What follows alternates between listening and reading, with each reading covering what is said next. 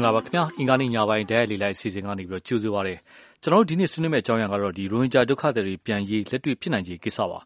ဘင်္ဂလားဒေ့ရှ်မှာရောက်နေတဲ့ ရိုဟင်ဂျာမွတ်စလင်တွေ နေရပြန်ဖို့အစီအစဉ်အတွက် မြန်မာနိုင်ငံကြီးဌာနကုစလေအဖွဲ့ဟာ အခုဒီဘင်္ဂလားဒေ့ရှ်နိုင်ငံကိုတွားရောက်ခဲ့ပြီးတော့ဒုက္ခသည်တွေနဲ့ရော ဘင်္ဂလားဒေ့ရှ်အာဏာပိုင်တွေနဲ့ပါ တွေ့ဆုံခဲ့ပါတယ် နိုင်ငံတကာမှာ ဖိအားကြုံနေရတဲ့ ရိုဟင်ဂျာရေးနဲ့ပတ်သက်ပြီးတော့ဒုက္ခသည်တွေနေရပြန်ရေးဟာဒီနှစ်နိုင်ငံကြားမှာလည်း အပြန်အလှန်ပြစ်တင်မှုတွေနဲ့ပြောရရင်တော့လုပ်ငန်းစဉ်က အခုတည်းမစနိုင်သေးပါဘူး အခုဆိုရင် AA အဖွဲ့နဲ့ ဖြစ်လာတဲ့ တိုက်ပွဲတွေကြောင့်လည်း ဒေသတွင်းမှာတည်ငြိမ်မှုကအတော်လေး ပျက်စီးနေပါတယ်။ဒီလိုအခြေအနေမျိုးမှာ မြန်မာအစိုးရဘက်က ဒုက္ခသည်တွေ နေရပ်ပြန်ရေး ကြိုးပမ်းမှုဟာ တကယ်ပဲ လက်တွေ့လုပ်နိုင်ပါ့မလား။နိုင်ငံတကာဖိအားကို မလွန်နိုင်လို့ပဲ လုပ်ငန်းလုပ်ပြရလို့ဖြစ်နေလား။အခြား အဖြေရှာနိုင်မယ့် နည်းလမ်းရှိပါလား။ကျနော်တို့ ဆွေးနွေးသွားမှာဖြစ်ပါတယ်။အဓိက ပါဝင်ဆွေးနွေးပေးဖို့ ပင်တိုင် ပုဂ္ဂိုလ်နှစ်ဦး ဖိတ်ခေါ်ထားပါတယ်။ပထမတဦးကတော့ ဒေါက်တာနိုင်အောင်ပါဒေါက်တာနိုင်အောင်ကတော့မြန်မာနိုင်ငံရေးသုံးသပ်လေ့လာသူတူဖြစ်ပါတယ်နောက်တစ်ခုကတော့သတင်းစာဆရာဦးစီသူအောင်မြင့်ပါနှစ်ဦးစလုံးလေလိုင်းပေါ်ကိုရောက်နေပါပြီခင်ဗျာကျွန်တော်အရင်ဆုံးဒေါက်တာနိုင်အောင်ကိုဖိတ်ခေါ်ချင်ပါတယ်ခင်ဗျာကိုနိုင်အောင်ကြားပါလားခင်ဗျာဟုတ်ပါပြီဟုတ်ကဲ့ဒေါက်တာနိုင်အောင်ခုနကကျွန်တော်ပြောလို့ပါအခုမြန်မာအစိုးရကကိုယ်စားလှယ်ဖွဲ့ပေါ့နော်ဒီနိုင်ငံခြားရေးအမြဲတမ်းတွင်းဝင်ဦးမြင့်သူဦးဆောင်တဲ့ကိုယ်စားလှယ်ဖွဲ့ကဘင်္ဂလားဒေ့ရှ်နိုင်ငံမှာဒုက္ခသည်တွေနဲ့ဓာတ်ရိုက်တွေ့ဆုံဆွေးနွေးတာညှိနှိုင်းတာမျိုးတွေသူတို့လုပ်ပါတယ်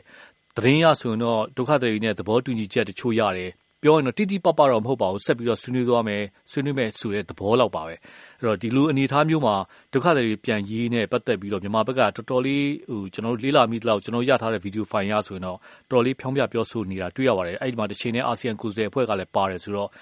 ဒုက္ခတွေ တကယ်တမ်း ပြန်ရေးက လက်တွေ့ကော ဖြစ်နိုင်လား ဒါမှမဟုတ် မြန်မာအစိုးရတော်လေးစူးစမ်းနေတော့ တကယ်ပဲ ဆန္ဒရှိရလား ဒါမှမဟုတ် လုံးပြနေလို့ပဲကိုနိုင်အောင်ရဲ့ အမြင်သိချင်ပါတယ် အရင်ဆုံး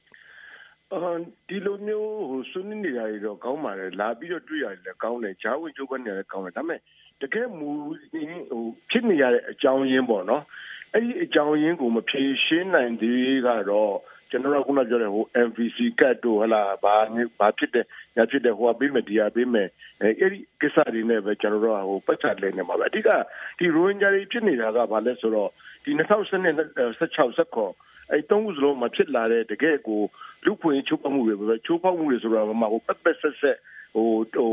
ဟိုဟိုကြားမကောင်းတော့တဲ့အထီကို ဟိုဖြစ်ကြတာဟိုဒီမှာအစုလိုက်တုံလိုက်တက်ခါနာမရင်းချင်းခါနာအပေါင်းမှာရှိတဲ့ကလေးကိုဆွတ်တက်ပြီးတော့မှမရင်းချင်းနာအစရှိနေဖြစ်တဲ့ဥစ္စာတွေကြတော့အဲ့ရိုဟင်ဂျာလူကစိတ်ထဲမှာဘာဖြစ်လဲ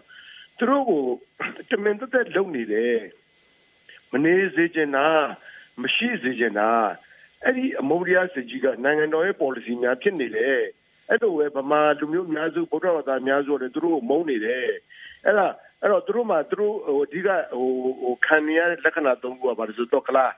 အသားမဲတယ်မွတ်စလင်ဖြစ်တယ်ဆိုအဲ့ကိစ္စတခုနဲ့နဲ့သူတို့ကအဲ့လိုမျိုးဟိုဟိုအစုလိုက်ပြုံလိုက်လောက်ခံရတဲ့အတွက်ကြောင့်မလို့သူတို့ကအဲ့စိုးရင်မှုကြောက်ကြကြောက်ရွံ့မှုတအားကိုကြီးသွားတဲ့ဥစ္စာဖြစ်တယ်ဒါမှမဟုတ်2016 16အကြီးကျယ်ဖြစ်တာဟုတ်အဲ့တော့အဓိကပြဿနာပါဆိုသူစိတ်တော်မလုံးကြုံတာ မလုံခြုံတဲ့ဥစ္စာကိုသူကလူကျင်တာပါလို့ဆိုအတိမတ်ပြုခံမှုနဲ့ကာကိုခံမှုပဲအဲ့ဒါအဓိကပဲအဲ့ဒီပုံမှာပြောနေတဲ့အခါကျတော့လူလာ NVC တို့လာ URC တို့ဒေါ်လာကွင်းတို့တချို့တွေကတည်းကသူတို့ကနိုင်ငံသားအဖြစ်တောင်းနေတာကြီးနေတောင်းတာအဲ့ဒီရှုပ်ခက်လာဆိုအဲ့ဒီအခြေခံအကြောင်းအရာကိုပြည်လည်နိုင်တဲ့ပြည်ရှင်းတဲ့ဟာတွေမလုပ်နေပဲနဲ့တော့အခြေအနေကနှစ်ဖက်နီးစပ်ဖို့မလွယ်ဘူးတဲ့ဆိုတော့ပြည်နေတာပါဆိုအစိုးရရဲ့ policy ကိုယ်တိုင်ဗမာဗုဒ္ဓဘာသာနဲ့သူတို့ပုံမှာမြင်သူတို့ကိုယ်တိုင်အကြောက်ရွံ့မှုပေါ့ အဲ့ဒါတွေပေါ်မှာပဲ အဓိကဖြေရှားမယ်လို့တင်ပါတယ် ဟုတ်ကဲ့ ကျွန်တော်တို့ တွေ့တာတော့ဥမြင့်သူ ပြောဆိုတဲ့အထက်မှာတော့ ဘေးကင်းလုံခြုံမှုအတွက် သူတို့ အာမခံမယ်ဆိုတဲ့ အာမခံချက်တွေ ပေးနေတာကို တွေ့ရတယ်ခင်ဗျာအဲ့တော့ မြန်မာဆွေကခုနဒေါက်တာအောင် ပြောနေတဲ့ဒီရွန်ဂျာရီဘက်က စိုးရင်ချက်နဲ့ ပတ်သက်ပြီးတော့ လုံးဝ မထိတွေ့တာလား လုံးဝ မဖြေရှင်းနိုင်တာလား ဖြေရှင်းဖို့ ခက်နေတာလား ဘယ်လို မြင်ပါလဲ အခု ကျွန်တော်တီးသလောက်နော်အခု ပြန်ပြန်ပြန်ဂျိုဇူရီစကန်ပေါ့နော် ပြန်နေနေချတာရေးစစ်နေလုပ်တယ်ပြောတယ် နော်နောက်ပြီးတော့ဒီအစိုးရဖွဲ့ဥဆောင်ပြီးတော့မှဒီကိစ္စကိုကိုဖီအန်နဲ့ recommendation နဲ့လုပ်မယ်လို့ပြောရတာမဲ့အခုကျွန်တော်တို့ဒီဒီဒီဒီကုလသမဂ္ဂလေးလာဆောင်တဲ့တွေ့ရှိတဲ့မြေပြင်ရရပါလို့ဆိုအဲ့ဒီပြီးခဲ့တဲ့နေ့2019ခုနှစ်ဖြစ်ပြီးတဲ့နောက်ပိုင်းမှာအဲ့မီးလောင်သွားတဲ့မီးလောင်ထားတာတွေလည်းဟိုဟိုတမတော်ဆိုဘာလဲမီရှိုးတွေစတူရရှိတယ်ပြီးတော့အဲ့နေရာတွေကိုအားလုံးကိုမီးလောင်တဲ့နေရာတော့မီးမလောင်တဲ့နေရာတွေအားလုံးကိုအကုန်လုံးဘူဒိုဇာနဲ့ရှင်းလိုက်တာ ရှင်းလိုက်ပြီးတော့မှအဲ့နေရာတွေမှာဘာဖြစ်လဲဆိုတော့သူတို့နာနာလာတာလို့ခေါ်ခေါ်နေတဲ့ဒီနေဆက်တွေလုံခြုံရေးနဲ့ဖွံ့ဖြိုးရေးရွာတွေလုပ်တယ်အပြင်ကလူတွေခေါ်တယ်နောက်ပြီးတော့ပြန်ပြီးတော့ရွာအဖြစ်နဲ့စောက်ထားတဲ့နေရာတွေမှာအဓိကနှစ်ခုပဲရှိတယ်မျိုးတို့ခမီတို့အဲ့လိုတိုင်းရင်းသားတွေအတွက်နဲ့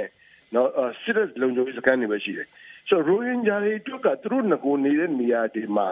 ဘာမှပြန်နေဘူးကိုမရှိဘူးအဲ့တော့ပြန်သွားရင်ဘယ်လိုနေရာမျိုးမှာသွားရမလဲဆိုတော့ concentration ကိုကဲမျိုးမှာပဲသွားရမယ်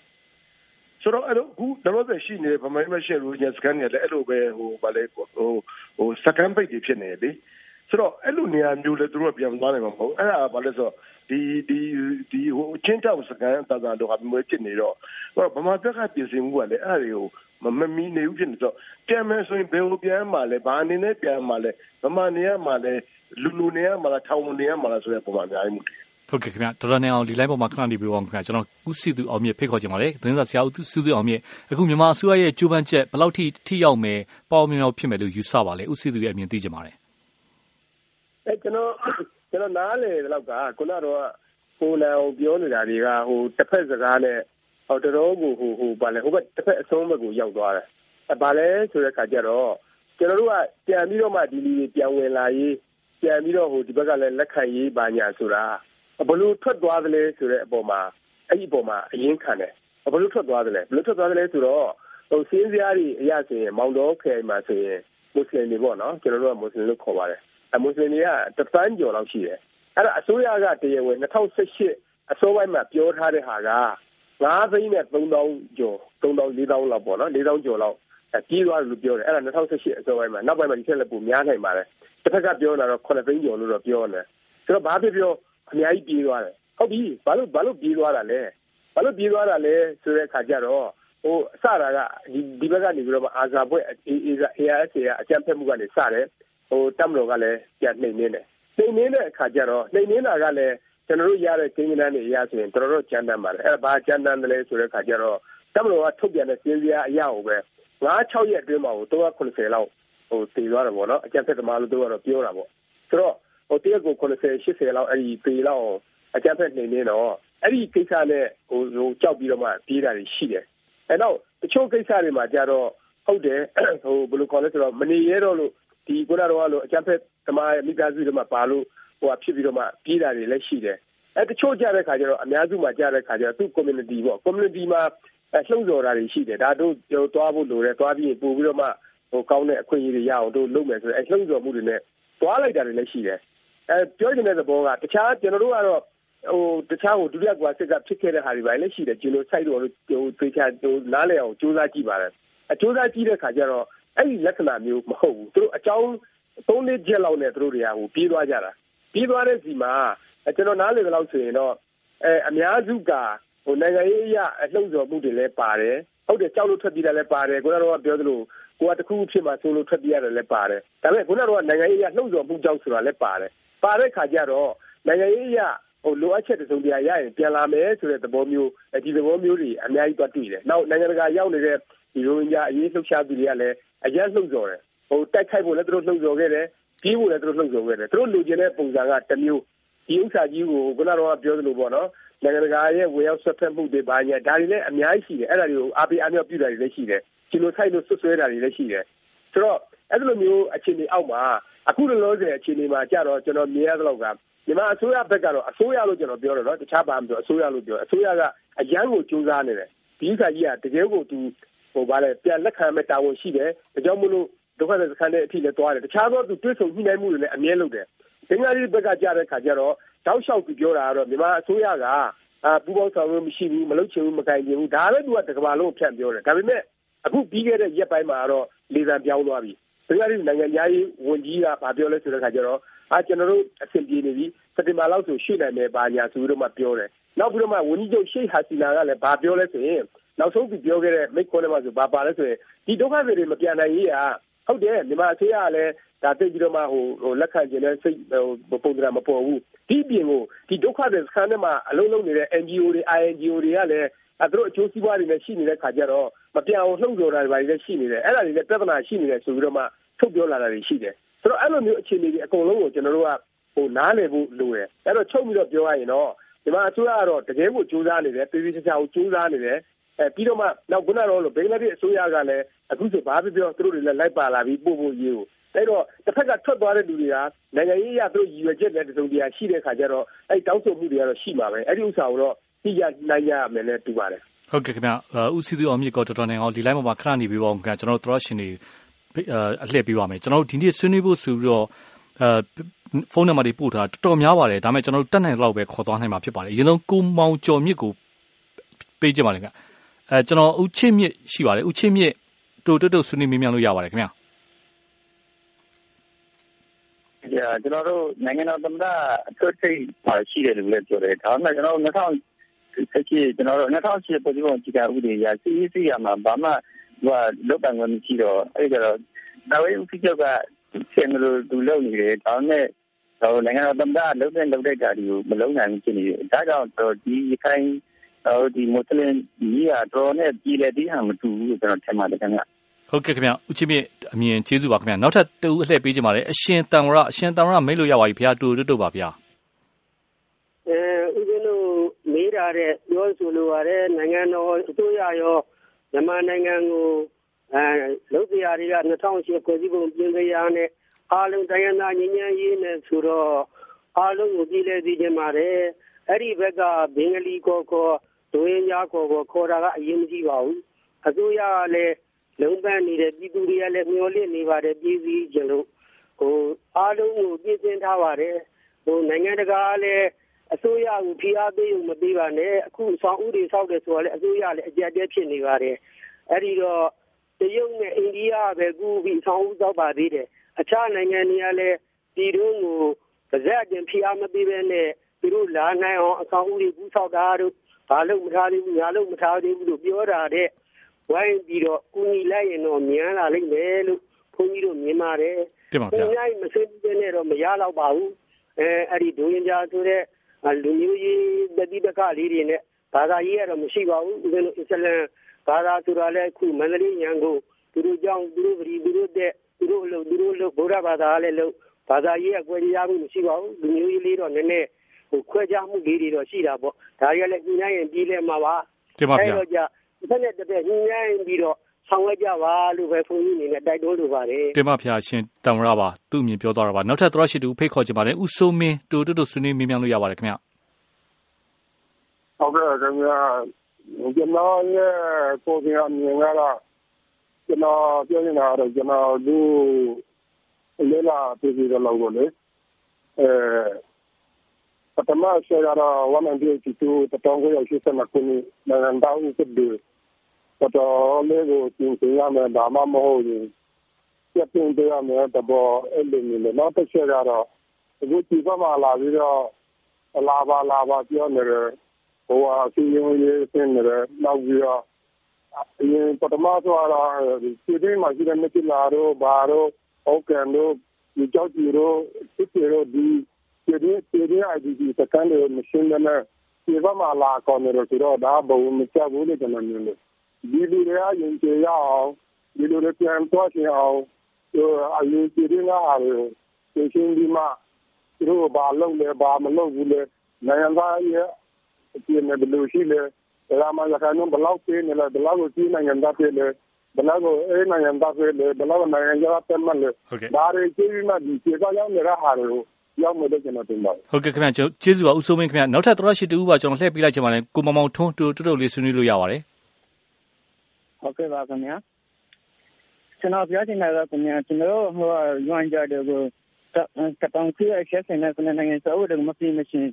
မြန်မာပြည်ကိုပြန်တော့မတင်ပါဘူးခင်ဗျာဟုတ်ကဲ့ကြာဖြစ်အချမ်းနဲ့ကျွန်တော်မြန်မာပြည်ကိုပြန်မှာပါ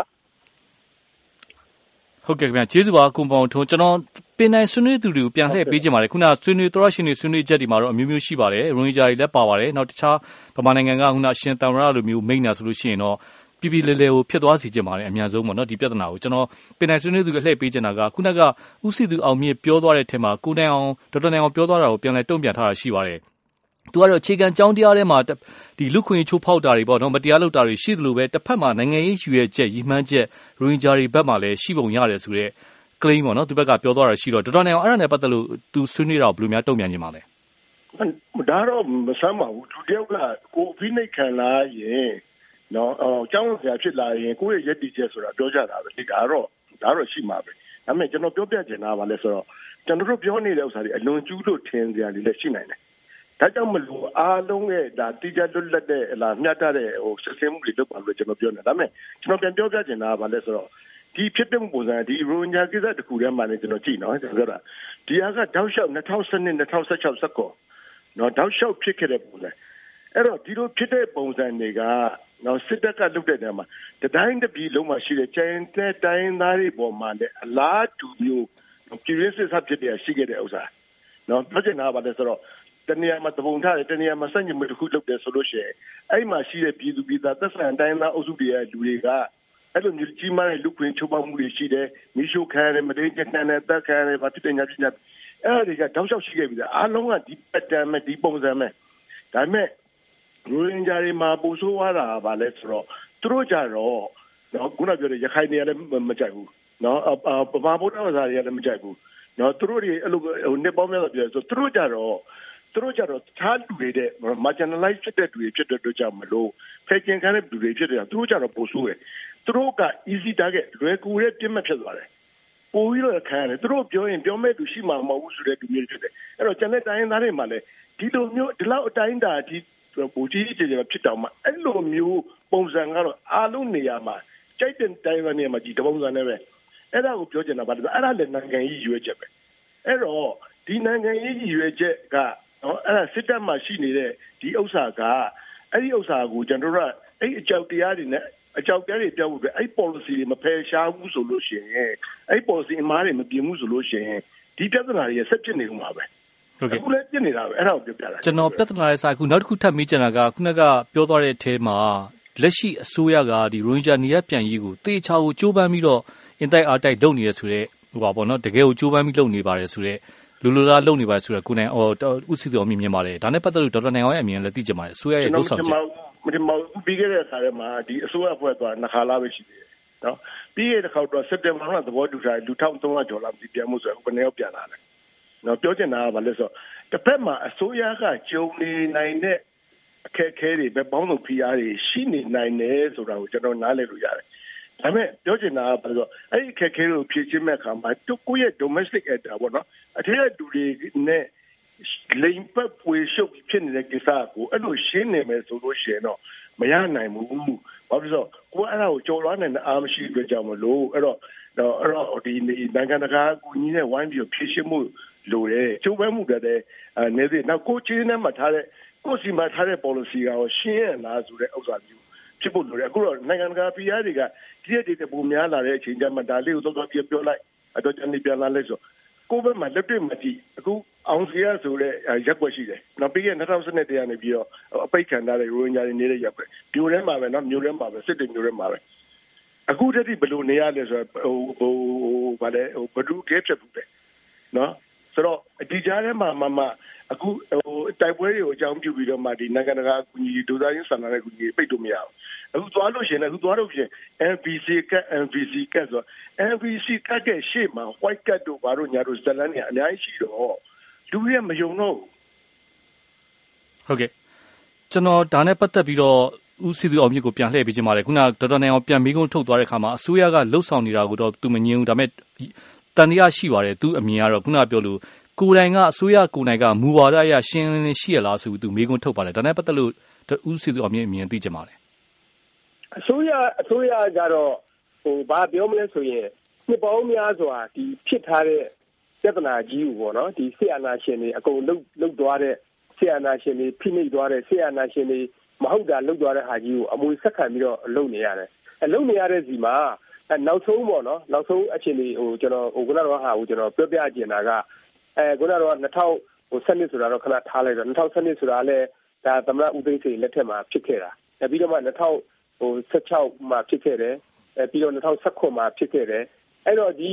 ဖြစ်စဉ်ဒီကာလတွေရဲ့အခြေအနေအရှိပိုင်းတွေအကုန်လုံးပြန်ကြည့်ရင် NDC ကတ်တွေပါတယ်အကုန်လုံးကအဲ့ဒီအချိန်ကာလအထိကိုဟိုရခိုင်ပြည်နယ်ထဲမှာအဲ့ဒီရခိုင်ပြည်နယ်ထဲမှာဖြစ်တဲ့ပြဿနာအခုတော့ပြဿနာတွေအကုန်လုံးပြန်ကြည့်လိုက်ရင် ရခိုင်ပြည်နယ်ထဲမှာတခြားအစိုးရဆိုတဲ့ဥစ္စာကဘာမှလွတ်ပိုင်ခွင့်ရှိတဲ့အခြေအနေအဲ့ဒီမှာဘာမှမရှိဘူးအဲ့မှာရှိတယ်နှစ်ခုလည်းပဲရှိတယ်လုံယုံရေးနဲ့အုပ်ချုပ်ရေးနှစ်ခုပဲရှိတယ်အဲ့လုံယုံရေးနဲ့အုပ်ချုပ်ရေးနှစ်ခုဆိုတော့လည်းတတ်မလို့လက်အောက်မှာပဲရှိတယ်အခုမှဒါဒါဟိုအုပ်ချုပ်ရေးပိုင်းဆိုင်ရာတွေက ပြည်လေးပြည်လေးရေးကနေပြီးတော့မှဟိုအစိုးရလက်အောက်ကိုဒါရောက်လာတာတက်လက်အောက်ကနေလောက်ရောက်လာအခုမှဒါဘယ်လောက်ထိရောက်ပြီလဲကျွန်တော်တို့လည်းမသိသေးဘူးရောက်ရုံပဲရှိသေးတယ်ဆိုတဲ့အခါကျတော့အစိုးရကဘာမှလုပ်လို့ရတဲ့အနေအထားမဟုတ်တဲ့အခါမှာအစိုးရကိုအပြစ်သွားတင်တယ်လို့ဘယ်လိုဖြစ်မှာလဲအဲ့တော့တစ်ဖက်ကဟိုပြန်မေးရမယ့်ဟာကဒီ ARSA အကြမ်းဖက်အဖွဲ့တွေရှိတယ်ဒီအဖွဲ့တွေကဘာကြောင့်ကျွန်တော်တို့မေကိုထုတ်လို့ရတာကဟိုစစ်အာဏာရှင်တွေလက်ထက်တုန်းကတော့တိုက်တာခိုက်တာအဲ့ဒါတွေမလုပ်ခဲ့ပဲနဲ့ ဒီဒေါ်ဆန်းစုကြည် NLD အစိုးရတက်လာတဲ့ခါကျတော့မှအတူကဘာပြီးတော့လာပြီးတော့တိုက်ခတ်ရတာလဲ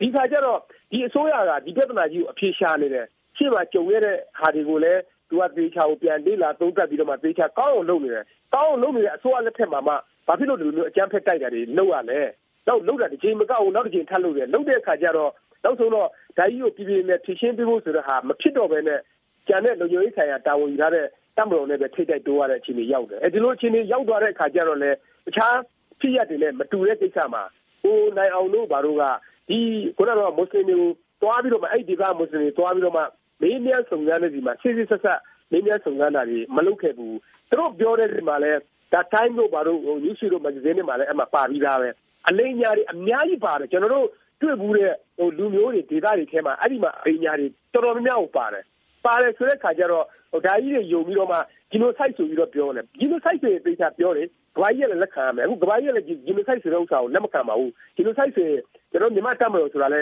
ထားဖို့တော့မသိတော့ဘူးတကယ်လို့ genocide ဟုတ်သလားဒါတွေကဘာဖြစ်လို့ဒါတွေကဝါဒဖြန့်နေတာလဲ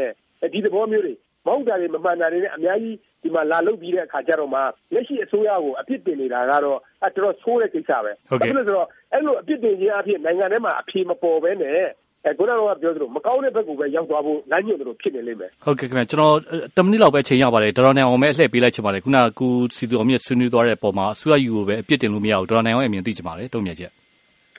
အစိုးရရဲ့ဖြစ်မတင်ဆိုတော့ကျွန်တော်တို့ကျွန်တော်တို့ငကိုတွေကကျွန်တော်တို့ကတော့ဒီကိစ္စကအစင်အဆက်ဖြစ်လာတဲ့ကိစ္စပါစစ်တပ်ရဲ့ policy လို့ကျွန်တော်တို့ပြောပြီးသားပါနော်အဲ့တော့ဒါပေမဲ့အစိုးရရဲ့တာဝန်ရှိမှာပဲအဲ့တော့ကိုကတာဝန် အရာအာဏာရှိတာမရှိတာတပိုင်းပေါ့လေကျွန်တော်ပြောချင်တာပါဆိုအဲ့တော့